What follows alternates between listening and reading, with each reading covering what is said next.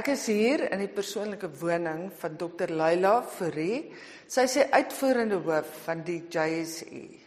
Nou Leila het 2 jaar gelede 'n uh, baie hoë pos opgegee by die Commonwealth Bank van Australië om weer terug te kom Suid-Afrika toe en om haar kundigheid en vaardigheid hier te kom gebruik en met mense te deel. Ek sien baie uit daarna om te hoor wat Leila vandag vir ons gaan vertel oor haar werk, maar ook oor haar persoonlike lewe as 'n baie krangige en baie aktiewe atleet.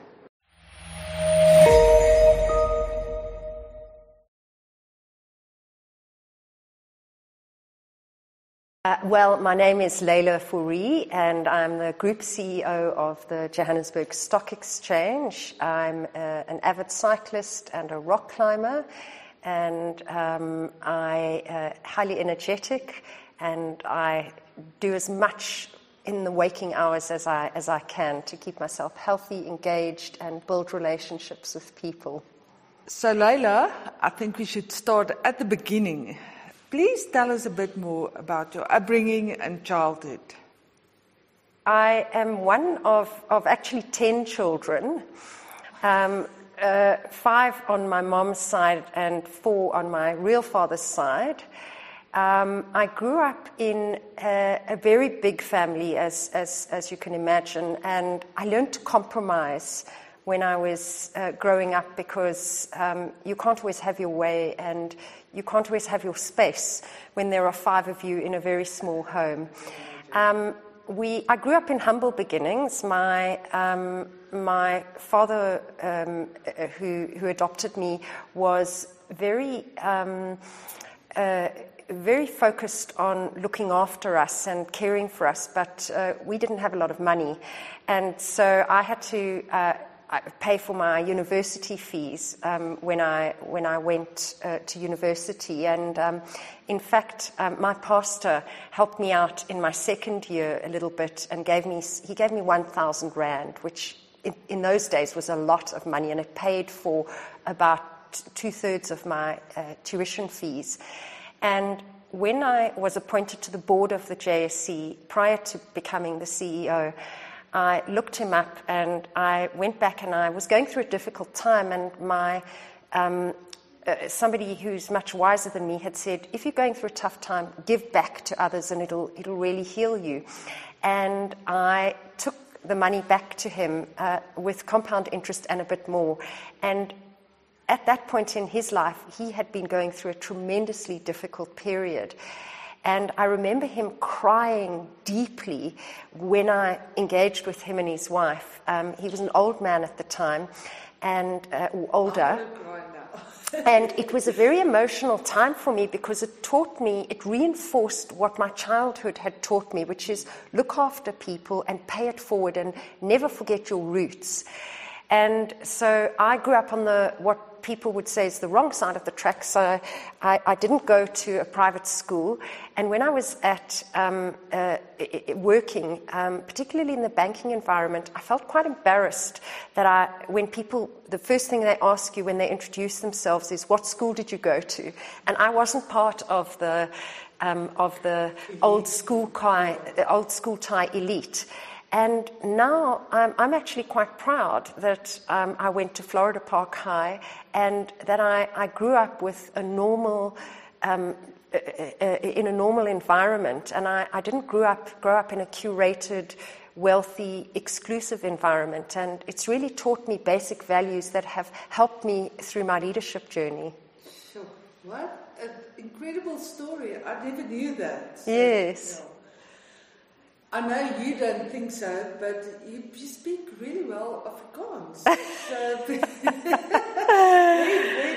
My Afrikaans is eintlik nie te vlot nie, maar um, I went to UJ, well to RAU, and the reason I went to RAU, my Afrikaans was pretty average at school, and the reason I went to RAU was because I got a bit of a leadership bursary from being head girl at the school, at, the high, at my high school. And uh, it was a rather terrifying experience because I uh, learned Afrikaans very quickly, and I used to translate my lectures, um, which were in Afrikaans, into English um, because I could only think in English. And um, so that really worked well. But my voorsetsels are always wrong. and if you don't practice it, you don't, you don't develop it. Um, but it's a wonderful language, and it's a language that is so much more expressive than English. So things like, I always use the word deursettingsvermoë, because there's no English word that truly translates and carries the same meaning. And it's a very important leadership concept for me and, and a concept in my sporting life. You fill the, the mighty position as the CEO of the JSE. Don't you want to tell us a bit more about your job and what it all entails? My job is, is, is, a, is a great privilege. And um, in fact, uh, the reason that I came back from Australia to take up the role was firstly, I, I, wanted to give back to the country of my birth. And secondly, I didn't want to get to 70 and wonder should I, could I, would I, should I have, have come. And in, in hindsight now, two years later, um, I can say the role has been everything I expected and more. It opens doors to use your position to give back and to improve the lives of people around you. And so you would have seen that I've advocated very strongly on things like sustainable development, on equality, um, on gender positioning. And um, aside from the commercial aspect and the, the fact that you are, are pretty much um, very involved in the economy and the financial markets, um, I, I, feel very privileged that I'm, I'm, able to, through my role, translate our, our, our, activities into really uplifting people around us. And, and that, for me, is the most important. I think as you get older, you realize that uh, basic values are, are, are, the most important thing. And, and I think um, if I look back over the last two years, 18 months of my two years have been leading through the crisis. And that has, has created the importance of reversion to basic values. And the things that you think matter when you're young and building your career are profoundly different when you, you have a bit of years, a few years under your belt. And so that has been a, a very important part of my role at the JSE. Well, I think people should know you, you gave up a really great job in Australia. And mm. I know everybody said, but how could you leave Australia for South Africa? I mean, it's, yeah, it sounds crazy. And also, you've got a, a tremendous stressful job. So. Yeah, and uh, in fact, when I accepted the role and it was announced on, on SENS, I, I was quite troubled that I had an absolute flood of messages on LinkedIn and on my WhatsApp with South Africans asking me what on earth I was thinking to come back to the country. And I have to say, I, I, love Australia. It's a beautiful country, and I was very, very happy. So it really was a difficult decision because I, my kids are still in Australia. They're older and they've got their own lives now. Um, but um, I think we can be congenitally negative about our country and we don't appreciate the beauty of the country, the natural beauty, and the vibrance and the energy of the people. And those are, are things that, that really uplift me. When I got off the plane and I was going down the escalator, somebody came down and he said, How's it? Shap, shap. And I just thought, I feel like I'm home.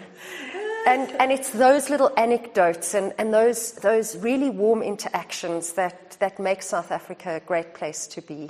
Yes, I'm sure there's many challenges every day. I know the JSE went through a huge crisis a while back, but how do you handle these crises and stress? Well, actually, I, I, think I tend to thrive in a crisis. And um, if we look back over the pandemic, um, we were facing into an enormous crisis. Uh, can you imagine three years ago telling people that you were going to run the stock exchange from home and all the traders who, who are basing their, their trading positions on latency and on getting their trades in fast, that, that you would do that from, from your home, and that not only would you be working from home, but that we would process the highest volumes in the history of the JSE. it was, it was quite an extraordinary out of body experience. And I think managing through a crisis brings you back to the basics and you become reliant on the people around you and your perspective, your outlook has to be positive, but it has to be balanced. Um, you have to lead with, um, with conviction, and your judgment is, is critical. You have to be able to deal with the immediate crisis in front of you, but still taking account of the long range of vision um, that, that you're looking into in, in what will this mean for us in five years from now. And there was that constant, during the, the, the pandemic and the, the crisis, uh, uh, managing through, through that period, uh, there was a constant balancing factor. Um, I'm very grateful for the leaders that I'm surrounded by. My, my EXCO is, is a phenomenal group of very intelligent and uh, advanced leaders. And without them, we would never have been successful. So um, I, I, think leadership uh, during a crisis is, is about making sure that you associate with everybody and you understand things from their position and that you empower them to do what they're hired to do, which is make decisions and lead. Yes, I want to talk about leadership and the qualities of a good leader. My, my leadership um, character right now is a function of many of my experiences. Um, someone much wiser than me told me about this concept called kairos experience. And that is the experience that you have which lasts forever. And all of my interactions, as I, as I look back through my leadership roles that I've had, have built my DNA into who I am now. And I think those experiences build your, they structure your spiritual and leadership personality. And um, I, I, would say that the things that I've learned, I've learned not only from the leaders, but particularly from my upbringing. My grandmother and my mother taught me about determination, deursettingsvermoë. And um, that, is, that has really stood me in good stead, both when I do rock climbing and cycling with you, and also in the workplace. Um, they also taught me about the importance of forgiveness. And that's a value system that I, I brought into the workplace. And, and, often the JSE is the lightning rod of what goes on in the economy. And, and there can be sharp comments that come through. And you have to learn to forgive people and realize that their perspective is not the same as your perspective. And that has been a, a vitally important um, part of, of, of, my interaction and building um, lasting relationships. And then the final point I'd say that I've learned both from my, my mom and my grand, but also from an icon that, that I respect is um, curiosity, intellectual curiosity, and the energy to learn more and to grow and develop. And leaders have to constantly be learning new skills. They've got to learn new ways of doing things. And they, they have to become more creative. And if they don't have that, that hunger inside of them, it's very difficult to keep pace with what's going on in the world. And so those are, are the three things, deursettingsvermoë, uh, curiosity and, and um, creativity and the, the desire to, to learn. Um, and um, uh, and forgiveness are, are, the things that have been important in, in my leadership journey. Of course, they're different for everybody, but um, at this point in time, my kairos and, and those moments that have stayed with me forever um, have, have really molded those three characteristics. Leila, I would love to talk about the things you do when you're not working. I know you love mountain climbing and cycling. But yeah, what do, you, what do you do in your free time, if there's any? Well, I have a really active life. Um, and so I, am a little bit unorthodox in that um, I do a lot of rock climbing and mountaineering. When I'm, um, I, I try and get down to Cape Town as often as I can and climb various mountains, including Table Mountain. And then I also cycle a lot. Um, I cycle with a, um, cha- a, a, charity group called Change a Life, um, which I'm very committed to, and the JSE is very committed to. And um, I also spend a lot of time um, with friends and family. My children are overseas, so a lot of it is screen time. I had I was cycling this morning actually before you got here, and had video calls with my kids while I was cycling on Zwift. Then you're not working hard enough. Exactly, exactly. That's when I start falling back, and um, my, my, my cycling friends say, Trap, Leila, trap. Um, you're doing too much admin. and I play a little bit of piano and do online chess and that sort of thing, but cycling and climbing are probably my big exciting but things. I've seen some of the pictures on your Facebook of the stuff you do. You say a little bit of rock climbing, but just looking at the pictures is like you, you are going into angst. so, yeah, tell us about that and the expeditions you've done before. Well, I've, I've been very, very lucky to do a lot of really exciting expeditions all over the world in Russia, in the Himalayas, in South America, in New Zealand, um, and Australia. I think probably the most interesting one for me was um, climbing the highest mountain in Antarctica, which was Mount Vinson. And um, I had a, a really interesting experience because I I was 50 years old when I did that three years ago, and I didn't, um, I didn't know at the time that I have had asthma all of my life. And I got sick at the base camp. And Antarctica is a very interesting continent because it has um, 70% of the world's uh, fresh water and 90% of its ice, but yet it's a desert. And so that very dry uh, environment um, uh, had had created a bit of a, a, a, an allergy in my in my chest, and my guide said to me, "All you have to do is maintain your illness. Just don't let it get get worse. It, you can't get better because you're at altitude." And I hadn't thought of that dynamic, and. I, when you're climbing, you have sort of 30 kilograms on your back, and half of it is in your backpack, and half of it is, is in a sled um, and uh, that you're pulling. And um, so I remember sitting at base camp drinking hot water with um, salts and, and, um, and vitamins in it, and just watching the guys going up an incredibly steep, steep um, part to get to the, the camp just before you summit. And that day, I had a really bad day, and I was watching the guys just moving out of my sight. Um, and I was feeling like I was getting left behind because I was the only woman in the entire camp.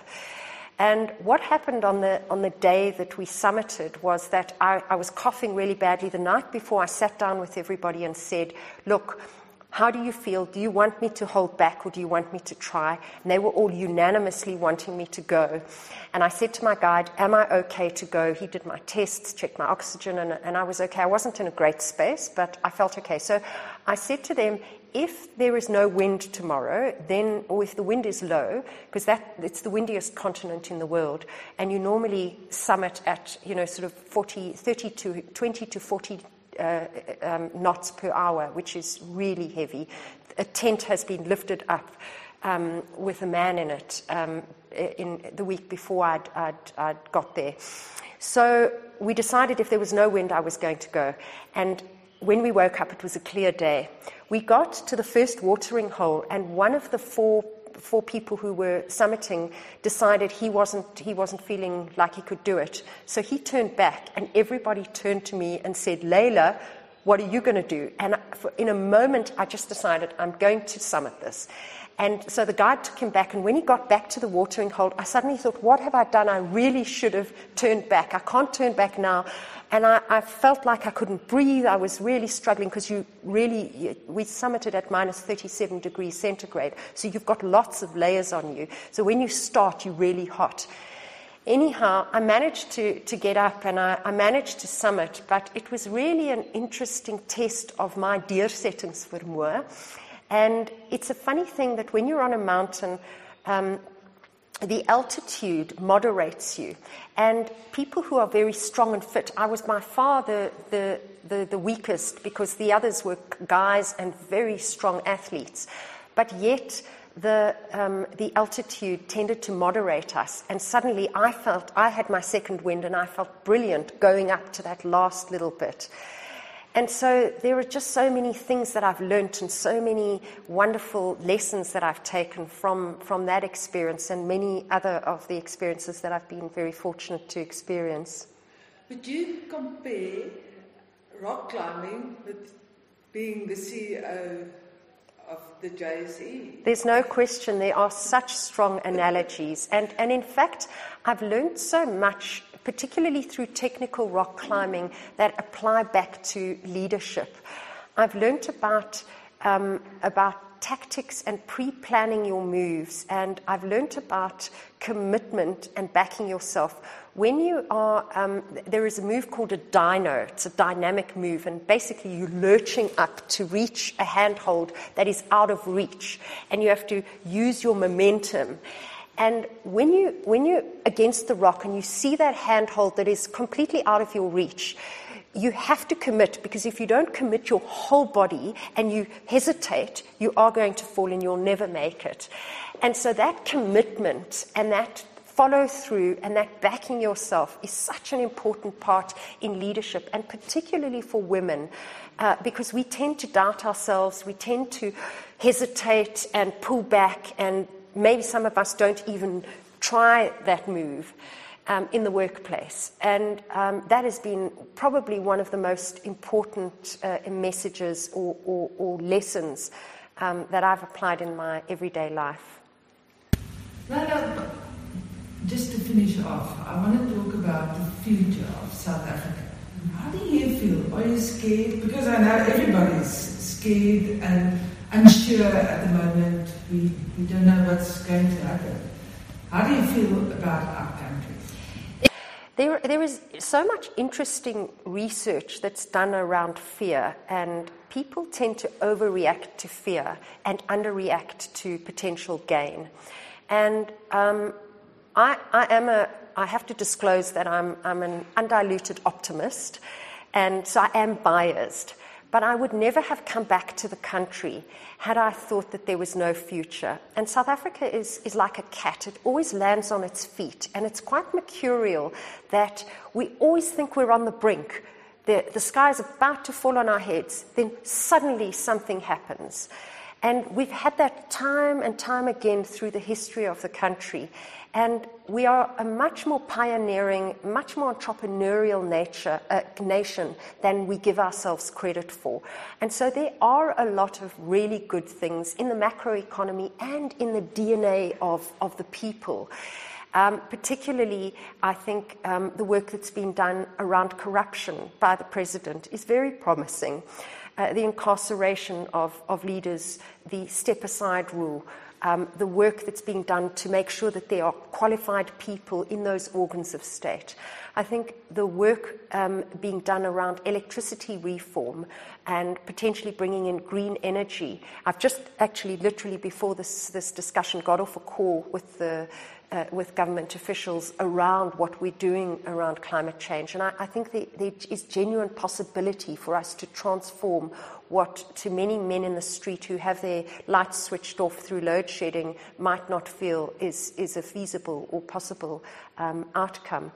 And um, I, I, also think that um, there is a, a resurgence of small and medium enterprises um, for various reasons. And I think that's going to be the growth node of this country, and that's the backbone on which we are likely to grow the economy through SMEs and through infrastructure. But we have to maintain a positive attitude, we have to maintain business confidence, we have to be confident as consumers.